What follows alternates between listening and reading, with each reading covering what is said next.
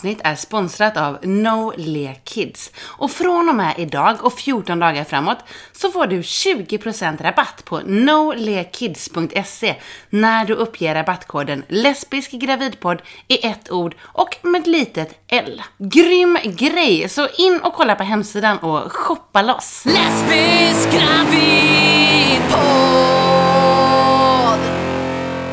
Hej och välkommen till ett nytt avsnitt av Lesbisk gravidpodd. Detta avsnitt är rätt fantastiskt, för här får jag och även ni reda på svaren på några av de stora mystiska gåtorna när det kommer till det här med bebisar och andningen och luft versus vatten. Med mig i detta avsnitt har jag Anneli som är barnmorska. Jag passar på att utnyttja hennes yrkeskunskaper när jag ändå pratar med henne, men främst så är hon ändå med för att berätta om sin väg till barn. Anneli har nämligen två barn tillsammans med en manlig homosexuell vän. Eller, nu är de goda vänner. När de först började planera att skaffa barn så kände de inte varandra lika bra. En fin, fin historia om ett sätt att skaffa barn på som Anneli varmt rekommenderar till andra också. Veckans tips? Ja, det kommer även det från Anneli och handlar om vilka ställningar att föda i som enligt den senaste forskningen leder till minst bristningar. Sedan har jag min fantastiska fru med igen och vi kommer gissa och slå vad om olika saker som har med bebisen och hans födelse att göra. Carro har en jobbig tendens att vinna våra vad, men jag ger inte upp utan hoppas på bättre lycka denna gång. Jag känner att jag måste säga något om EU-valet. Det har liksom varit för mycket knäppa grejer på kort tid nu. De nya abortlagarna i Alabama och nu det här. Jag vill inte behöva vänja mig vid att nästan dagligen få höra om nya saker som slår mot hbtq-personer och mot kvinnor. Det är en så absurd grej att våra rättigheter och vår livssituation avgörs av vilka partier som finns och hur folk röstar. Sverigedemokraterna var det partiet som ökade mest i Sverige i EU-valet. I andra länder var det också högerextremism extremistiska partier som kammade hem många röster. Hur ska detta utvecklas? Hur kommer det se ut om några år? Gränserna flyttas ju hela tiden. Kommer våra giftermål att ogiltigförklaras? Kommer våra barn att fråntas sina mammor? Det är så extremt obehagligt och deprimerande att tänka på det här. Och jag vet att det är många med mig som funderar över vart ska man ta vägen då? Om det går åt helvete här. Kommer det finnas någonstans där vi kan vara och där våra rättigheter inte är inskränkta på grund utav vem vi blir kära i och vem vi väljer att bilda familj med? Jag skulle kunna prata om detta hur länge som helst, men jag slutar nu för denna gång och går istället över till min graviditet som än så länge är laglig. Lesbisk gravid på jag kan med stor glädje informera om att min smak och lukt har kommit tillbaka. Livet är så himla mycket trevligare nu och jag värdesätter min smak och min lukt något gravt. Förberedelserna inför att jag faktiskt ska föda snart, det är bara sex veckor kvar till BF nu, fortsätter. Jag läser böcker som Att föda, Föda utan rädsla, Möta en förlossningssmärta och sånt. Yogan, den fortskrider och än så länge så är jag väl kanske lite på det oklara med vad jag ska ha för nytta av den just vid födseln. Men det kanske uppenbarar sig. Jag har varit på den regnbågsträffen som erbjuds i Göteborg. Det var intressant att träffa de andra blivande föräldrarna, men synd att vi inte ska träffas fler gånger som man gör i andra föräldragrupper. Nu utbyter vi liksom kontaktuppgifter, men det känns så stalkigt att höra av sig till någon. Jag har liksom för lite grund. Det är mer som att, åh, oh, jag tyckte att du hade en snygg tröja, ska vi bli kompisar? Jag, jag, vet inte, hur gör man sånt? Är det någon som vet? Det känns ju som att man försöker ragga bara. jag, eh, jag har också varit på en förlossningsförberedande storföreläsning och den var bra. Jag uppskattar att de genomgående använder benämningen partner eller coach när de pratade om den som var med vid förlossningen. Det där pappa eller partner i samma mening som så ofta används blir ju så himla konstigt eftersom det är namn på helt olika relationer. En liten överraskning dock, som de som följer lesbisk gravidporr på Instagram antagligen redan har sett, var att när powerpoint-bilden om vad som gällde när det kom till mat på BB kom upp så stod det att lunch och middag bara serveras till mammorna. Score tänkte jag och ja, tänker det nu, för hur ska de kunna dra tillbaka en sån sak? Så alla som vill ha bildbevis att visa upp när de föder i Göteborg och vill att sin fru eller flickvän också ska få mat, ja, ni kan ju bara visa den bilden från poddens Instagram. Nej, men vet ni vad? Nu tar vi faktiskt och kör igång här. Och det gör vi med veckans tips. Anneli och jag fortsatte att prata även efter att mikrofonen hade stängts av och hon gav då mig några tips inför min födsel. Till exempel så sa hon att enligt den senaste forskningen så finns det tre förlossningsställningar som ger minst bristningar. Och detta tips det måste jag ju såklart tipsa vidare om, så här kommer de nu även till dig. Enligt senaste forskning så är det dessa ställningar du ska föda i om du vill minimera risken för bristningar på alla fyra, knästående, liggandes på sidan. Så skall du föda, testa dessa ställningar. Det kommer i alla fall jag att göra.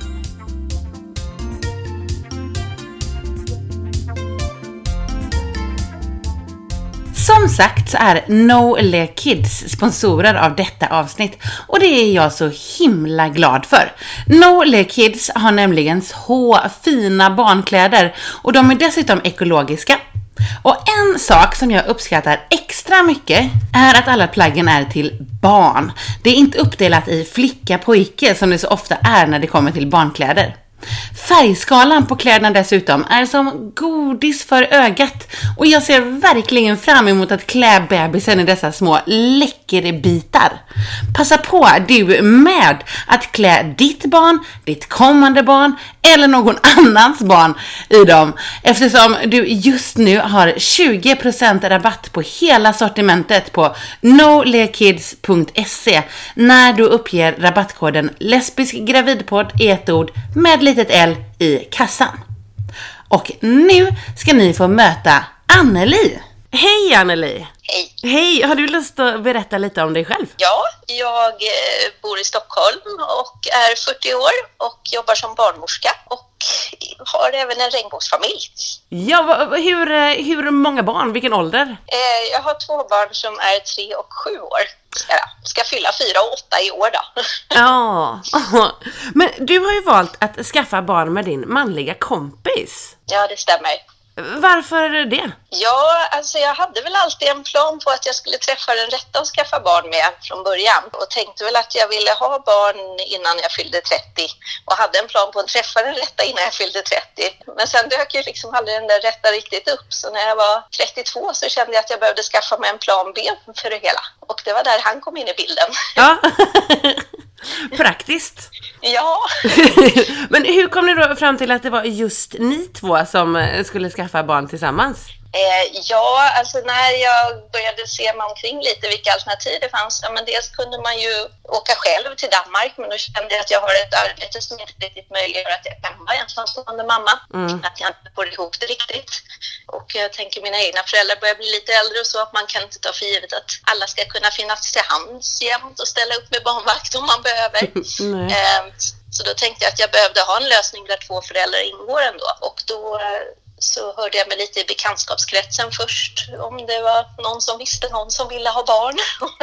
Ja. Ehm, och då eh, var det väl några som kände några killar som var intresserade som jag var ute och fikade med och pratade lite med. Alltså du hade som en liten urskiljningsprocess eller vad man säger? Ja, det blev som ett litet pappadejtande. Ja. med, med väldigt mycket lunchande där ett tag. Ja.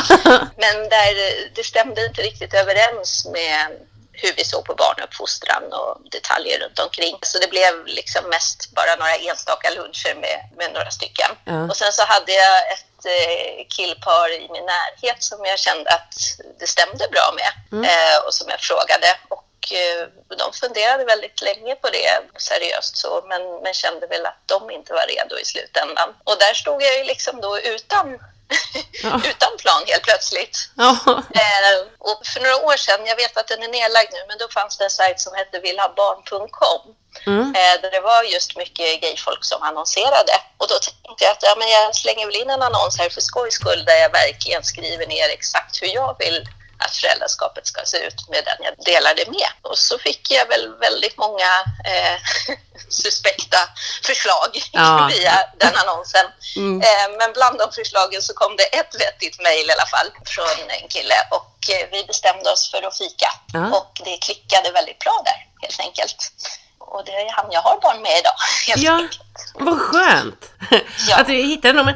Finns det liksom eh, nu, för nu eh, antar jag att nu har ni ju såklart en djupare relation än vad ni hade då. Ja, ja, vi bestämde oss ändå för att vi skulle umgås. För jag, hade, ja, men jag kände att åldern tickade iväg för min del lite grann. Men att eh, det var ingen superstress utan för mig var det viktigt också att det är en person som jag kommer bra överens med. Mm. Så vi bestämde oss för att vi skulle träffas regelbundet minst en gång i veckan under ett års tid för att se att vi står ut med varandra också Ah, smart.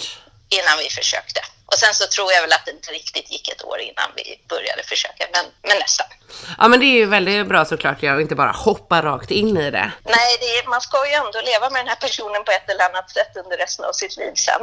Ja precis, liksom fast. Det är, men jag tror att vi avhandlade verkligen allt mellan himmel och jord under de där månaderna och skrev även ett litet kontrakt sinsemellan kring hur vi ville ha det. Ah, och det är smart. inget som är juridiskt bindande eller så, men det är ändå något man kan luta sig tillbaka till om man blir osams framöver om något. Och kan säga, men vi tyckte ju ändå båda så här innan. Ja, ja men precis. Det var det här vi sa faktiskt. Ja. Ja. Sen har vi inte behövt ta fram det där, tack och lov. Men, Nej. vi, har, vi har varit rätt överens och jag tror att det beror på mycket att vi pratade väldigt ingående på förhand om allt. Men han är homosexuell också? Ja, det är han. Ja. Hur, hur har det liksom påverkat om ni har haft eh, partners under tiden? Är det någonting som har varit något problem eller har det, varit skönt eh, bara? Jag har varit singel hela tiden för jag känner väl att jag först börjar få tid att dejta nu när Ja. barnen börjar bli några år. Och kan det även bli en Eh. kontaktannons här alltså? men eh, men där, han hade en partner när vi träffades. ja. Så, så jag trodde väl egentligen att jag från början skulle skaffa barn med ett par. Men det visade sig ganska snabbt att den här partnern inte riktigt var med på tåget. Att han ville att de skulle ha en surrogatmamma egentligen. Vilket då pappan till mina barn inte var intresserad av. Nej. Så det, de hade ju ganska svåra diskussioner där under några månader. Där de till slut valde att gå isär. Ja. Och, det, och de hade ju ändå varit ett par i många år, så det, men det, är det här med barn blir ju, allting ställs ju lite på sin spets då när det blir verklighet. Och innan jag fanns med i bilden var det ju inte riktigt verkligt då, att det skulle finnas någon mamma. Ja, men sen dess har han, ja, han dejtar väl också en del, men, Ja. men han har också varit singel sen barnen kom till. Men det är ingenting, ni hindrar inte varandra liksom från att nej, nu har Nej, du oss. nej, och det, det känns ju väldigt... Vi, vi är ju väldigt överens om att det är vi som är föräldrarna först och främst. Och, Ja. och framförallt nu, det är de ju också väldigt stora barnen. Mm. Eller större. Det är inga bebisar. Så skulle någon komma in i deras liv nu så blir det ju en bonusförälder och inte en extra förälder. Ja, eller, en extra Mm. förälder, men inte en, en förälder på samma sätt som om man hade varit med sedan de var bebisar kanske. Men då jag måste Ja. bara fråga, eftersom ni är liksom då en man och en kvinna, hade ni några tankar om det här med kvinnlig, manlig förebild Nej, till vet barnen? det har vi faktiskt inte haft. Nej, nej. Vi, nej, jag tänker bra vuxna framför allt. Kärleksfulla vuxna framför manligt kvinnligt, tänker jag är viktigt. Sen är ju han, pappan, betydligt mer eh, normativ än vad jag är. Ah, Okej. Så, så han står väl för det där eh, typiskt manliga då, i så fall. Ja, Men, ja. i, I vår icke-normativa familj, Ja. så, där jag mer får stå för det andra. för det övriga. Ja, för Inte det. bara det kvinnliga. Okej, men hur, var det då, hur gick ni tillväga för att få barnen sen då? Ja, från början hade vi väl tänkt att vi eh, skulle göra det på en klinik och eh, Mm. det är ju inte tillåtet riktigt i Sverige. Eh, Eller det är inte tillåtet, var inte det då i alla fall. Och då måste man ju lite grann ljuga och säga att man är ihop som par. För det, går man privat så är det, jag vet inte hur det är inom landstinget, men det görs ju inga bakgrundskontroller på att man är skriven på samma adress eller så när man vänder sig privat. Men då, eh, så vi gick på en utredning först och främst då som man måste göra. Där vi sa att vi inte kunde, hade kunnat bli gravida på vanligt sätt. Eh, det var ju också sant då. och det är också sant då. då. Ja. Men man får ju tyvärr också frågan om man faktiskt har haft samlag. Ja, okej. ja. Eh, så där blev vi ju ändå tvungna att ljuga. Ja. Eh, Och så gjordes den här utredningen som då visade att det inte var något fel på någon av oss. Och så bokade vi tid för insemination. Men faktum var att då julstängde det här stället i samma veva. Och då ville inte vi vänta för nu, vi hade ändå fått besked om att det inte var något fel på oss. Och jag jobbar inom vården så jag tog helt enkelt eh, med en fem milliliter spruta hem från jobbet. Ehm, och så provade vi en heminsemination som tog sig på första försöket. Oj, det tog sig på första försöket. Ja. Oj, Då snabbt. hade jag tajmat min ägglossning där då under julen. Så, ja, och så kom han hit och gjorde sitt och så hade jag min spruta och sen eh, blev det en, blev det en graviditet för det. Ja, men vad skönt att det gick så fort. Ja, så, så vi bokade av den där tiden på kliniken. Ja, ja, jag förstår det. Men okej, nu blir det lite så här hipp eh, med eh, båda barnen här. Men hur var det då med andra försöket sen? Eller andra försöket, andra barnet? Nej, men då tyckte vi ju att det hade gått så smidigt att göra på det här sättet. Så då var det inte riktigt aktuellt med någon klinik tänkte vi. Nej. Utan vi provade på samma sätt igen. Och så tog det sig på första försöket igen. Men va? Så alltså, det var två lyckträffar får man säga. Ja, gud vad skönt. Ja, det är nästan som man skäms lite faktiskt. För jag vet ju att är, jag har ju vänner som har haft väldigt svårt att få barn. Och då är det nästan så att man skäms för att det har gått så enkelt för en själv. Ja, ja jag förstår det. Jag är arg. Nej, jag skojar bara. Ja. Nej. Ja. Nej, det är inte helt rättvist det där fertilitetslotteriet. Alltså, det, det är inte det. Som så mycket annat. Ja. Men, men hur var graviditeterna sen? Nej, men de var, de var väl som graviditeter är. Det, det, det var, räknas som normala graviditeter. Sen hade jag väl en del vanliga graviditetskrämpor liksom. Men det flöt väl på eh, smidigt tycker jag. En rolig grej var ju sista dagen när, jag, när verkarna faktiskt hade börjat och vi satt hemma och väntade på att det skulle bli lite mer regelbundet. Så hade jag min bästa kompis här och så hade jag pappan här. Och så frågade min bästa kompis, ja men när har ni tänkt att ni ska berätta för barnet att, ni, att ni gillar killar och tjejer och, och inte varandra liksom på det sättet, att ni inte är kära? Ja. Och så svarar pappan då, nej men det behöver man väl inte berätta. säger han när jag sitter där med vägen. Jag kan säga det var lite fel tillfälle att ta den diskussionen då. Och då kände jag att ja, men det här är ju en grej vi faktiskt inte har diskuterat. För för mig var det så självklart att det här barnet kommer ju veta att den har två homosexuella föräldrar. Ja, så oj, oj, oj. Får se om den kommer på det, tycker han då. ja, men den diskussionen har vi tagit i efterhand rätt ordentligt. Ja men skönt, har det löst sig då? Det har löst sig kan man säga. Jag har tagit den diskussionen med våra barn väldigt tidigt. Så då blev det en icke-fråga. Ja okej, ja skönt det. Härligt Ja. läge att komma på det där. Ja, nej men då blev det ja, nej det här hade vi pratat om. Men hur mycket var pappan till barnen med under graviditeten? Eh, Na, ja, nej, graviditeterna. men han, var, han, var med, han var inte med på mödravårdsbesöken men på ultraljuden och vi träffades ju fortfarande väldigt ofta. Eh, Ja, men varje vecka träffades vi ju och, och fortfarande. Och, nej, men han var väldigt delaktig skulle jag vilja säga för att vara någon man inte bor tillsammans med. Han hade ju letat i flera år ändå efter en lämplig mamma att skaffa barn med så han, där är ju väldigt efterlängtade barn från hans sida också. Han har velat vara väldigt delaktig. Ja, skönt att ha det från början. Ja. Men hur förberedde du dig inför förlossningarna? Ja, alltså den första förlossningen där eh, förberedde jag mig inte så mycket alls för. Lite för lite skulle jag väl vilja påstå. jag tänkte att det där löser sig på plats. Och läste väl inte så mycket och, och tänkte att ja, men, jag berättar väl någon för en hur det ska gå till liksom, när man är där. och visst, det gör de ju, men det hade väl varit bra att vara lite förberedd, tänker jag ändå. Och så inför andra barnet så eh, ville jag ju ha min perfekta förlossning snarare då och rätta till det som jag inte var så nöjd med första gången. eh, så där var jag istället otroligt påläst och kom med en roman till förlossningsbrev till det här stackars förlossningsstället. eh, men det blev också faktiskt i hög grad som jag ville. Så det, eh, det, det blev ändå en väldigt fin förlossning som jag mycket nöjd med.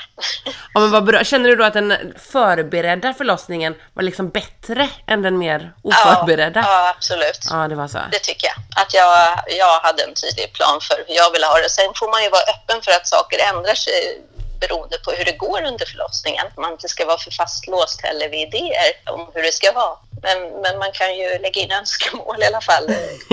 Och förlossningspersonalen försöker i alla fall göra så gott det går så att man ska bli nöjd. Men så, inför den första förlossningen då, vad, Ja. var det något särskilt som du önskade att du hade kollat upp innan? Ja, men lite mer eh, påläst kring smärtlindring, lite mer vad man kan göra själv hemma innan, att inte åka in för tidigt. Eh, Ja. Att man faktiskt inte måste kastas in vid första huvudvärken och så blir man hemskickad. Och, att, så, ja, men smärtlindringstekniker som man kan använda sig av hemma framför allt. Och sen så olika ställningar som, man kan, som kan underlätta att eh, förloppet går framåt. Eh, kan vara bra att känna till. Har, har du något bra tips på bra... Oh, nej men nu hittar jag inte ordet. Förlossnings... Nej men som, som kan underlätta för förlossningssmärtorna hemma. Eh, ja, men alltså bad är ju fantastiskt. Eh, det brukar ju de flesta gilla. Det är ju både smärtlindrande och avslappnande och, och då ska det ju hålla en bra värme i badet så att säga, så man inte ligger och blir nedkyld för då har det ju motsatt effekt istället. Men, men bad och att man eh, tränar andningsövningar. För, mest avslappning är det viktigaste. Vill man det finns ju tensapparater som man kan låna på mödravårderna. Mödravårdscentralerna heter det kanske. och använda sig av i tidigt skede som, som är, brukar vara effektivt. Ja. Just när det är lättare, fortfarande är en lättare smärta som inte alltid upplevs som lätt. Men, eh, men just det här liksom latensfasen, första fasen där man går och väntar hemma, den kan ju vara så väldigt olika lång för alla. Då är det bra att ha lite knep för att hantera smärtan under tiden. Om man, det är så att man råkar få en lång. Just det. Det är klart. Men du som är barnmorska, hur är det då Ja. om, om man börjar eh, med så här smärtlindring tidigt? Kan det vara att den Mm. inte har lika stor effekt sen senare om man skulle behöva använda det längre fram? Eh, jo, men det har, det har absolut effekt. Men det kan ju vara bra att man tänker sig att man börjar liksom i tidigt skede, att man, att man tar till eh, de lättare formerna av smärtlindring som ja, men värme är jätteeffektivt verkligen. Och kommer man in till förlossningen, man kan ha kvaddlar och man kan ha TENS och, ja, och lustgas så småningom. Och sen att man sparar den här epiduralen tills man har provat det andra. Epidural är ju ett otroligt effektivt smärtlindringsverktyg, men det kan ju också hämma värkarbetet. Och tar man det då i ett väldigt tidigt skede, då, men då blir det liksom ganska mycket risk för insatser under gången. Gud, jag kan inte prata. Vänta. under förlossningens gång. Eh, som att man, ja, men om man tar epiduralen redan när man är öppen 4 centimeter precis har kommit in till förlossningen. Ja. Ja, men då kanske värkarbetet avtar när man är öppen 7 och så behöver man koppla på lite dropp för att få starkare verkar. Det, det blir liksom insatser som man kanske inte behöver om man har provat andra saker innan och kan vänta lite med den där epiduralen. Sen är det inte alla som behöver epidural heller, men Nej. vi säga att merparten vill ha det ändå.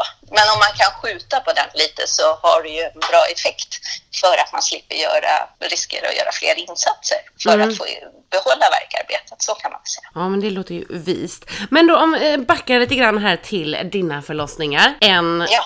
inte så förberedd, en mer förberedd. Hur var de? Var de långdragna, smärtsamma, roliga? Eh, ja, alltså min, min första där var snabb men otroligt smärtsam. Och det, det hände väldigt mycket på kort tid och det, det var väl det som gjorde att eh, jag inte riktigt hängde med kände jag. Eh, att det är klart att man kan känna att man tappar kontrollen under en förlossning ändå. Men det var liksom verkligen som att jag har minnesluckor från den förlossningen för Ja. att det var så hysteriskt. Att det kändes inte som att jag fick den här berömda pausen mellan verkarna utan det kändes som att en verk gick en annan hela tiden. Så visst, det, i slutändan det var en kort förlossning men det var otroligt smärtsamt. Så andra gången, eh, då, då när jag hade min långa roman med mig till förlossningsbrev så var ju en av, för det som skilde sig då från den första till den andra det var ju att första så gick vattnet Ah. och det är det jag upplevde blev så, drog igång allting. Mm. Vilket ju också är en naturlig effekt av att vattnet går för då blir det huvudet som trycker på öppningen istället för den här vattenbubblan. Så, så när jag skulle föda mitt senaste barn då så hade jag en väldigt tydlig vision om att de inte fick röra det där vattnet. Mm. Vilket jag tyvärr blev tvungen att ändra ändå i slutändan men då blev det på ett väldigt kontrollerat sätt som jag ändå är nöjd med i slutändan. Det var två väldigt skilda förlossningar och den andra tog ju betydligt längre tid men där kände jag ändå att jag hängde med hela tiden och jag kände att jag kunde hantera smärtan på ett helt annat sätt. Ja men skönt, så det lönar sig att vara förberedd. Ja, Och att ha fått innan kanske också i och för sig. sen, sen, ska man, sen ska man ju vara beredd. Alltså, man får ju ändå en snabbkurs i förlossning när man kommer till förlossningen, så ska man säga. Är man inte ett dugg påläst så, så löser det sig också. Ja, Men eh, man, det, det lönar sig att ha med sig lite verktyg i alla fall. Ja, man får ladda upp helt enkelt. Men hur är det nu? Har, eh, har ni mött några fördomar runt er familj? Från omgivningen? Det är ingen som har sagt något öppet till mig. Det Nej. enda som jag kan bli lite provocerad av det är ju att folk tror att vi är ett separerat heterosexuellt par. Och jag förstår ju det. Det är väl det vanligaste om en man och en kvinna inte lever ihop längre och har barn ihop. Men när jag födde mitt första barn där så jobbade jag på en arbetsplats som var ganska stor och jag var öppen för mina närmsta medarbetare men inte för alla på hela stället.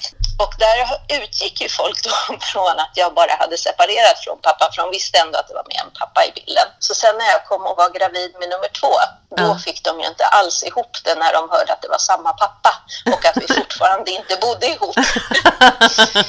Och då kände jag, men då kan jag låta dem våndas i sin normativitet där, att de får fundera på det där, hur det kan gå ihop sig Ja, men en gåta jag kände inte att jag behövde informera omvärlden om allt, utan då får folk lösa det i sina egna huvuden helt enkelt, hur det kan vara så. Men och, och nu då, ni, ja, ni lever inte tillsammans du och pappan? Nej, det Nej. inte. Och är, kör ni varannan vecka eller hur lägger ni upp det? Ja, nu har vi precis börjat med varannan vecka faktiskt. Mm. Eh, när föräldraledigheten delade vi på och då var det ett väldigt hattande fram och tillbaka kan man ju säga, för det var ju ingen av oss som riktigt stod ut med att vara utan barnen så länge när de var så små. Så jag tog första månaderna och sen så tog han de andra månaderna. Ja. Och ga- ganska hälften hälften var det uppdelat.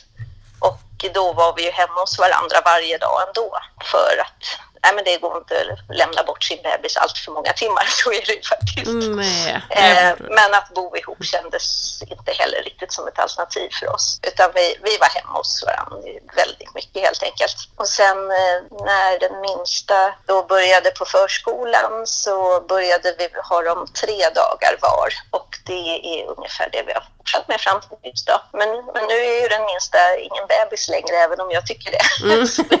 så då, och vi märkte att de började, framförallt den stora, reagera på att det var jobbigt med de här täta bytena hela tiden. Ja. Han aldrig riktigt han landa någonstans. Han visste inte riktigt vem han skulle vara hos från dag till dag och sådär. Så då sa vi att nu får det bli varannan vecka då så att de får lite mer stabilitet. Mm. Och det har funkat jättebra. Ja, vad bra. Men hade ni pratat igenom innan eh, barnen kom liksom hur ni skulle eh, lägga upp det?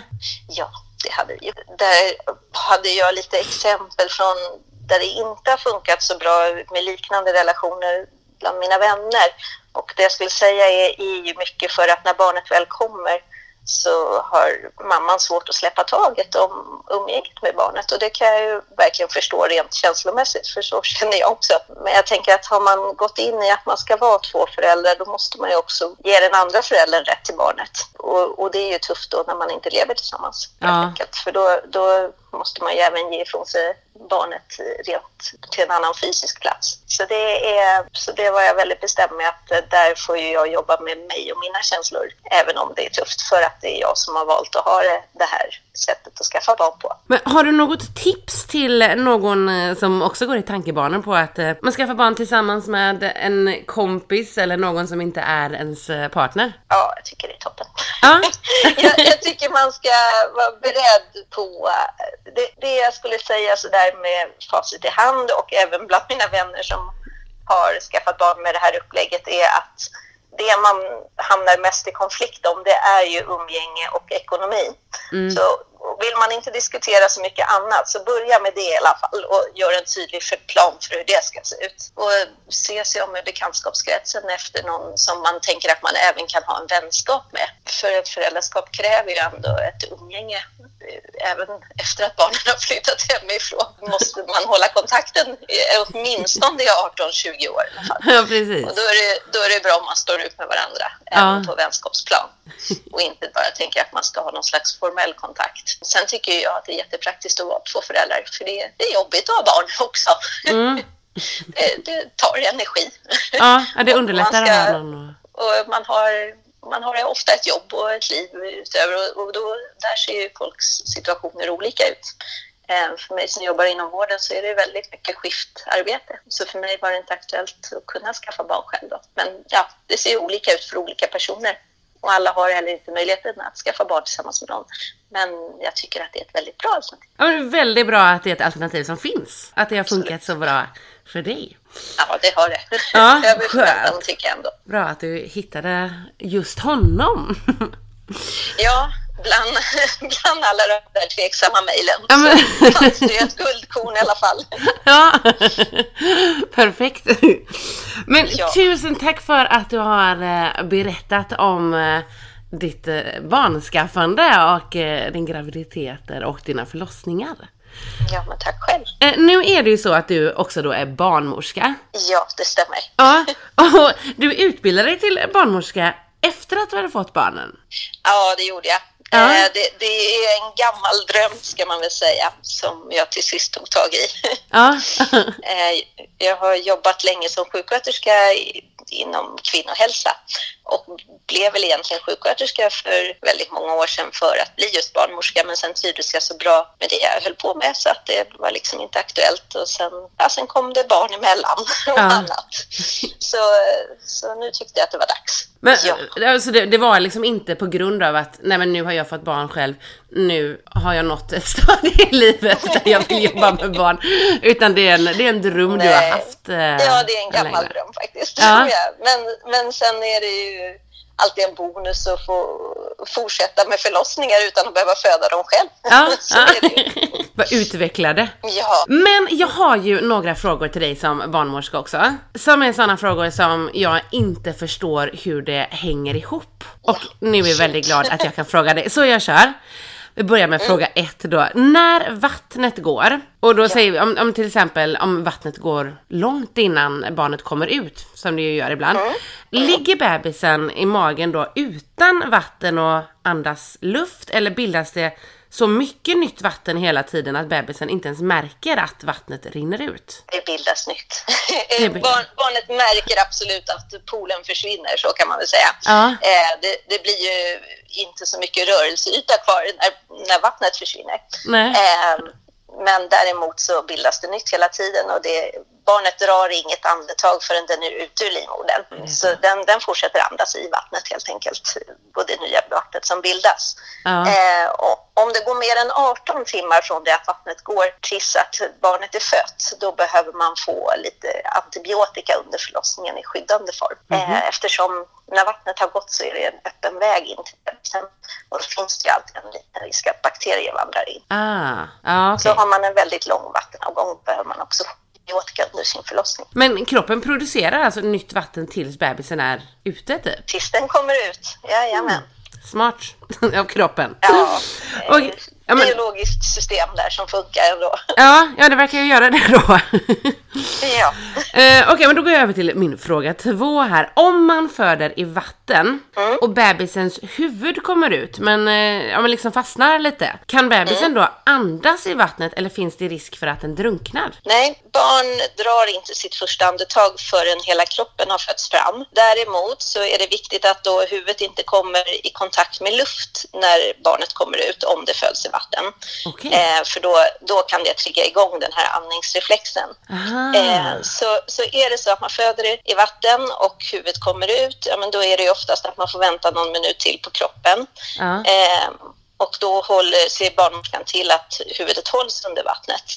Då slår ju även barnets dykreflex. Alla barn upp till sex månader har ju en dykreflex. Mm. Det är ett litet eh, lock som slår till som gör att man kan babysimma och så. Och det är att vattnet inte kommer ner i luftstrupen helt enkelt. Det där växer bort sen. Men, men det gör att barn inte kan drunkna helt enkelt. Så det som skulle kunna vara en risk det är om den drar sitt första andetag under vattnet. Då, då. Ja. Men det är ingen risk så länge man håller sig under.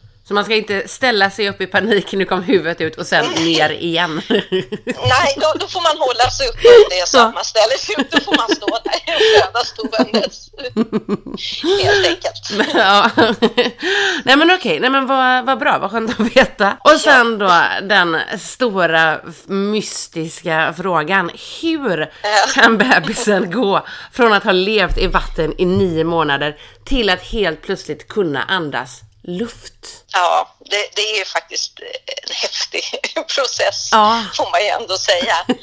Ja, förenklat då, så kan man väl säga att eh, de hormonerna som kommer igång i, i samband med en förlossning, det gör att fostervattnet i barnets lungor börjar absorberas. Eh, för barnet ligger ju och andas fostervatten under hela graviditeten. Ja. Och sen så när huvudet kommer ut under slutet av förlossningen, då trycks det ännu mer fostervatten ut genom näsa och mun och ut genom lungorna då, då av själva trycket. Och sen så när barnet tar sitt första skrik, då pressas det sista fostervattnet ut. Och i och med att barnet drar sitt första andetag så fylls lungorna med luft för första gången. Ja. Och då sker det faktiskt en spännande förändring i blodomloppet. Och det gör att det ställs om till att andas luft istället för vatten. Så sjukt alltså hur det funkar. Men så, så bebisen är lite fylld med vatten innan? Ja, ja. så det, det kommer ut. I med, och det är därför vi barnmorskor älskar bebisar som skriker ordentligt, för då vet vi att då kommer det där vattnet ut. Ja, ja, ja. ja. Och det, och det, är, det är friskhetstecken att skrika ordentligt efter förlossningen. Ja. Alla, alla bebisar måste skrika. Till slut där då. Ja, eller för jag tänker liksom så här, jag föddes utan att skrika. Hur gör man då? Provocerar man fram ett skrik, eller hur? Ja, alltså barn som inte skriker, de, de behöver ju hjälp med sin... Då, då är det en anledning till att de inte skriker. Och då, Ja. då får man plocka ut barnet till där den kan få lite hjälp att komma igång. Ja, okej. Mm. För, för då är det vatten som sitter i vägen och, eller någon anledning som gör att barnet inte får luft. Mm. Barnet får bara luft om det skriker. Aha. Sen, sen behöver inte barnet skrika sekunder när det kommer. Barn har en minut på sig Ja. eh, från det att de kommer ut till att de ska ta sitt första andetag. Så, det, så en minut är helt normalt. Men Ja, har det det gått en minut och barnet fortfarande inte skriker, ja men då är vi barnmorskor lite raska på att hjälpa barnet. Ja, men vad bra. Ja. Åh, vad jag är upplyst nu. Vad skönt. Visst. En crash course i förlossningskunskap. Ja men precis! Det känns helt fantastiskt. Nu kan jag lägga frågorna, de frågorna åt sidan och bara ha Ja. svaren. Tusen tack för det. Ja, varsågod. Och tusen tack för att du var med i Lesbisk gravidpodd. Tack för det.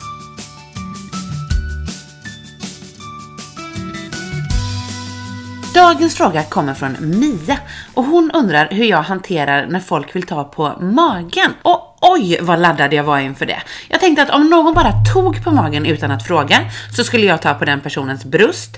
Om någon frågade om de fick ta på min mage så skulle jag fråga om jag fick ta på deras. Ja, jag hade laddat upp med massa aggressiva saker. För jag vill ju inte att folk bara ska ta på mig sådär. Jag har aldrig varit så förtjust i att folk tar på mig. Men så bara poff uteblev det. Det är liksom ingen som jag inte känner som har tagit på magen eller frågat om den får göra det. Och bland de som jag känner eller vet vilka de är så är det bara barnen i skolan som håller på att gegga runt med magen utan att fråga. Alla andra frågar, eller framförallt frågar inte. Jag vet liksom inte om de bara respekterar mig och min kropp eller om de finner min mage totalt ointressant. Det är många som säger att jag är fin och att jag har så fin mage, men de verkar liksom inte vilja ta på den. Och Jag hade ju till och med laddat upp med en tröja från Crack Jens där det står rör du, dör du. Den har jag inte haft så stor användning för om man säger så. Jag har den på mig ändå dock och då tycker folk som ser den ofta att det är en väldigt passande gravidtröja och så. Men då låtsas jag ju mer att den är väldigt effektiv för mig och min ointressanta mage. Det känns faktiskt nästan mer som att jag prackar på min omgivning min mage. Säger att de ska känna, ta deras händer och sätter på min mage och sånt. När jag läser i Facebookgrupper och eh, på andra forum så verkar det ju vara ett väldigt jobbigt problem för folk med att andra tar på deras mage. Och även att andra håller på att kommentera deras magar verkar vara ett stort problem. Det har jag inte heller lidit av. Många har tyckt att jag har en liten mage och trott att jag inte är så långt i graviditeten.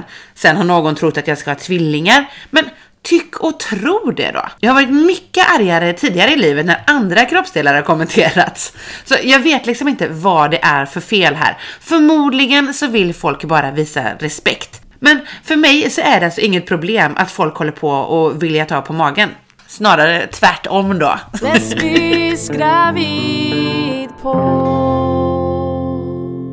Inspirerade av bland annat Malin och Gina i Youtube-serien Libro vecka för vecka kommer Karo och jag nu försöka att se in i framtiden och slå vad om olika grejer som har med bebisen och hans födelse att göra.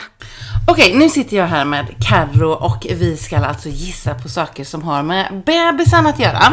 Yes. börjar med vilket datum tror du bebisen kommer komma? BF är ju 17 juli. Mm, jag tror 17 juli. Du tror att den kommer komma på eh, där? Ja. Ja. Det är, typ- jag läste, eller hörde att det är typ 5-6 procent av någonting som föds just på BF. Men det var väl typ 5% att du skulle kunna bli gravid också. Så att... Sig. Jag har tänkt och eh, tänkt att tänk om den kommer den 28 juli. Vadå? Eftersom mediet sa att det är någonting med 2, 8 eller 28. Fast det är ju väldigt långt efter BF. Så jag vill ju inte att den ska komma då. Jag tänker Det att är inte den... orimligt. Nej, jag vet, jag vet. Men eh, jag eh, vill inte att det ska komma så sent. Så därför så tänker jag gissa på den eh, 19 juli. Okej. Ja. Okej, över till nästa. Det är Yes. vikt. Hur tung tror du bebisen kommer vara? Eh, gud. Jag vet inte. Säg först du. Jag tror 3480 gram. Ja, då. Jag drömde att den vägde 3400 någonting. Jag vägde ju 3500 när jag föddes. Jag tänker att det kanske kan påverka. Jag säger 3240. Ja. Det hoppas jag mer. Eh, man vill ju ha en smal bebis. Men längd då? Vilken längd vill du ha? Tror du, menar jag. 51 centimeter säger jag. 51, en så lång bebis. Men oj, varför säger du så? Det, det där är nu en väldigt långsmal bebis nu, som du, eller? Är det inte det? Ja, kanske. Ja, Okej. Ja, nej, men jag vill ha den lite kortare. jag tänker 49 centimeter. Ja, ja. Ja. Och sen kön. Ja, det sägs ju att man inte ser så himla fel på killar där då. Så att det, är det får, då tror jag killar. Det tror jag. Ja. Mycket talar ju för det. Jag har också hört att jag har en pojkmage. Ah. Mm. Men eh, å andra sidan så det är ju så många som har trott att det var en tjej, eller ska bli en tjej innan. Ja, Eller många och många, men de som har trott det, har trott det så mycket, inklusive vi. men det kan ju också vara det kan ju mycket som spelar in där kanske. Jag vet. Inte vad det blir. Nej. Nej, alltså jag tror, jag tror att det kommer bli en kille också. Men för att det ska bli lite mer utmaning. Nej, nej. Det jag känns som att jag ger Ja, poäng där. Nej, jag gissar kille också faktiskt. Ja. jag gör det. Och då hårfärg. Vilken hårfärg tror du? Då tror jag att det blir en touch av rött där då, eller orange.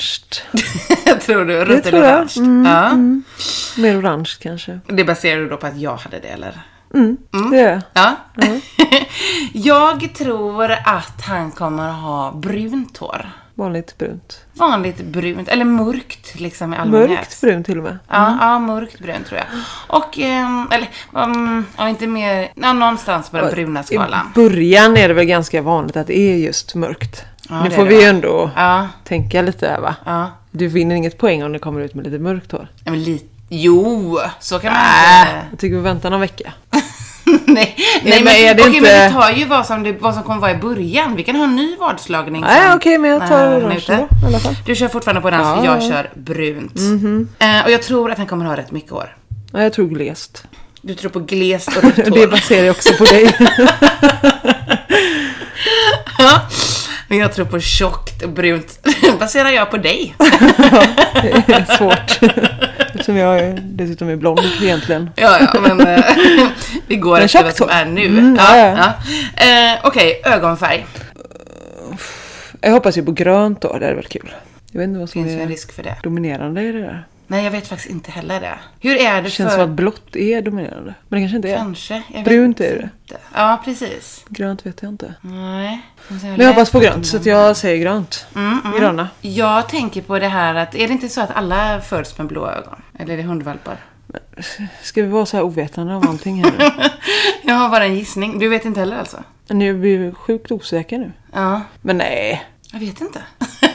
Väldigt oproffsigt. Men eftersom Nej, du det gissar på inte. grönt så gissar jag på blått. Jaha, men om det nu visar sig att man föds med det gills inte det.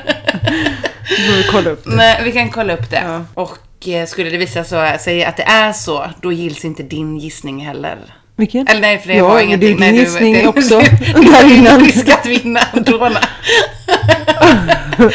Okej, men i alla fall. Den som då har flest rätt i det här, Ja, vad tycker du den ska vinna? jag vet inte. Vad känner du? Jag känner att eh, den ska vinna en eh, väldigt fin drink på lokal. Oj, Ja, på lokal. ja. Ja, jag får be om barnvakt där då första dagarna. Ja, men bara för en snabb drink. ja, okej, en drink säger du. Ja. Ja, det var... Har du något eh, annat som du tycker skulle kännas rimligare? Nej, det lika bra. Ja, drink. Då skakar vi hand på det här. Må bäste kvinna vinna. Lesbisk gravidpodd. Okej, vi har ju bestämt oss för att lägga till ett par saker här i vadet nu. Det ena var ju vilken tid på dygnet vi tror att han kommer födas. Så varför inte gå rakt in i denna fråga? När tror du att han kommer ploppa ut? Säger jag morgonen. På morgonen? Någon specifik tid? Mellan eh, sex och mm, nio kanske. Ja, okej, ja. Runt lunch, tror jag. Kanske 12. Tolv säger du. Bra tid. Ja. Och sen den andra saken som vi skulle lägga till. Hur lång tid kommer det här att ta? Du, när, Från att man kommer in då, eller? från att man kommer in. Ja, Ja, ja, men det- kan vi ta. Annars kan man ju hålla på i en evighet. Ja, Ja, vad säger du då? Timma? ja en halvtimme. Nej, men man hoppas ju inte att det tar för snabb tid och man hoppas inte heller att det tar för lång tid. Men eh, om man lyckas hålla smärtan under skick, så att säga, kan det väl ändå vara okej att vara inne där eh, i eh, 15 timmar. Kändes ju jättelångt nu när jag sa det. Ja. 12 timmar då? Ett halvt dygn. Det kan väl vara okej ändå? Eller? Åh, Från att du kommer får man, in man att sova? den, eh, Får man sova under denna tiden? Nej. Nej, kört. Nej, och då är det tråkigt om jag ska föda på morgonen eller förmiddagen där och Du inte får få sova hur mycket du någonting. vill, såklart. Jaha, får det?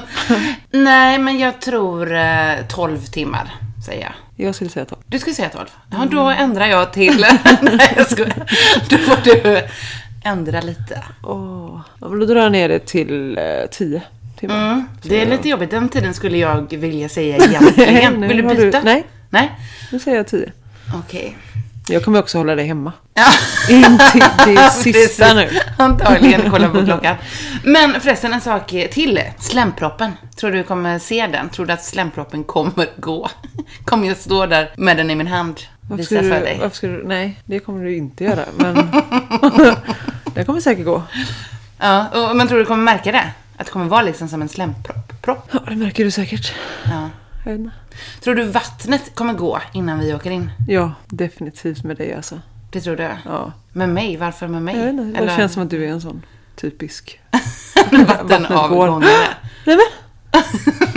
Hur gick vattnet Vad är det här? här? Nej, men, har jag kissat ner mig? Det känns som Du att tror du att det eh, kommer gå? kommer köra en sån grej. ja. Lite drama. Mm, ja. Men jag tror inte att det kommer göra det faktiskt. Halka i och... Ja. Det finns många komiska poänger med att det går såklart. nej, men eh, okej, ja, nej, du tror det, jag tror inte att det går. Slempropp, där sa jag ingen gissning. Jag tror Nej. att det kommer jag nog få en. För jag märker av. Ja, det är ändå lite kul. alltså, ja. Ja. Okej, ja, Okej. ja, men då skakar vi hand på detta. De nya siffrorna, statistiken. Yes! Ja, men det var detta för denna gången. Tack för att du har lyssnat på ännu ett avsnitt av Lesbisk gravidpodd. Om några dagar ska jag gå på avslappningskurs inför förlossningen. Den före detta profylaxkursen alltså. Hur det var, det får du höra om i nästa avsnitt. Och i nästa avsnitt så är mina gäster Malin och Gina som är med i Youtube-serien Libero vecka för vecka. Där de öppet visat sin väg till bebisen som nu ligger i magen. De började dock filma redan innan det låg någon bebis i magen? Var inte det pressigt, undrade jag. Svaret på det och på en hel del annat får du i nästa avsnitt av Lesbisk gravidpodd. Tills dess så rekommenderar jag att kolla in Malin och Gina på Youtube. Den 14 juni kommer jag uppträda på den stora drag och burleskgalan på West Pride i Göteborg. Så är du i närheten, kom dit! Höggravid burlesk är ju inte något man ser varje dag. Så se mig, Candy Moncane, Lane och min burleskpartner in crime, Swedish Siren, uppträda med vår duo The Rebelettes. Det kommer bli rätt grymt kan jag lova och gratis är det dessutom. I nästa avsnitt så blir det förresten mer av min ljuvliga fru. Vi ska då diskutera det här med födseln och våra eventuellt olika syner på den. Karro är till exempel emot att jag ska föda i vatten. Varför? Ja, det får du höra i nästa avsnitt som kommer ut på tisdag om två veckor. Fortsätt att skriva till mig på lesbiskgravidpodd@gmail.com om du har något du vill tipsa om, diskutera, ifrågasätta, medverka i podden med eller om du vill vara gäst eller vill ha något annat sagt. Följ Lesbisk gravidpodd på Instagram och shoppa loss på nolekids.se med rabattkoden lesbiskgravidpodd i ett ord och med litet L. Ha det nu helt fantastiskt så hörs vi snart igen. Puss puss! Lesbisk gravid på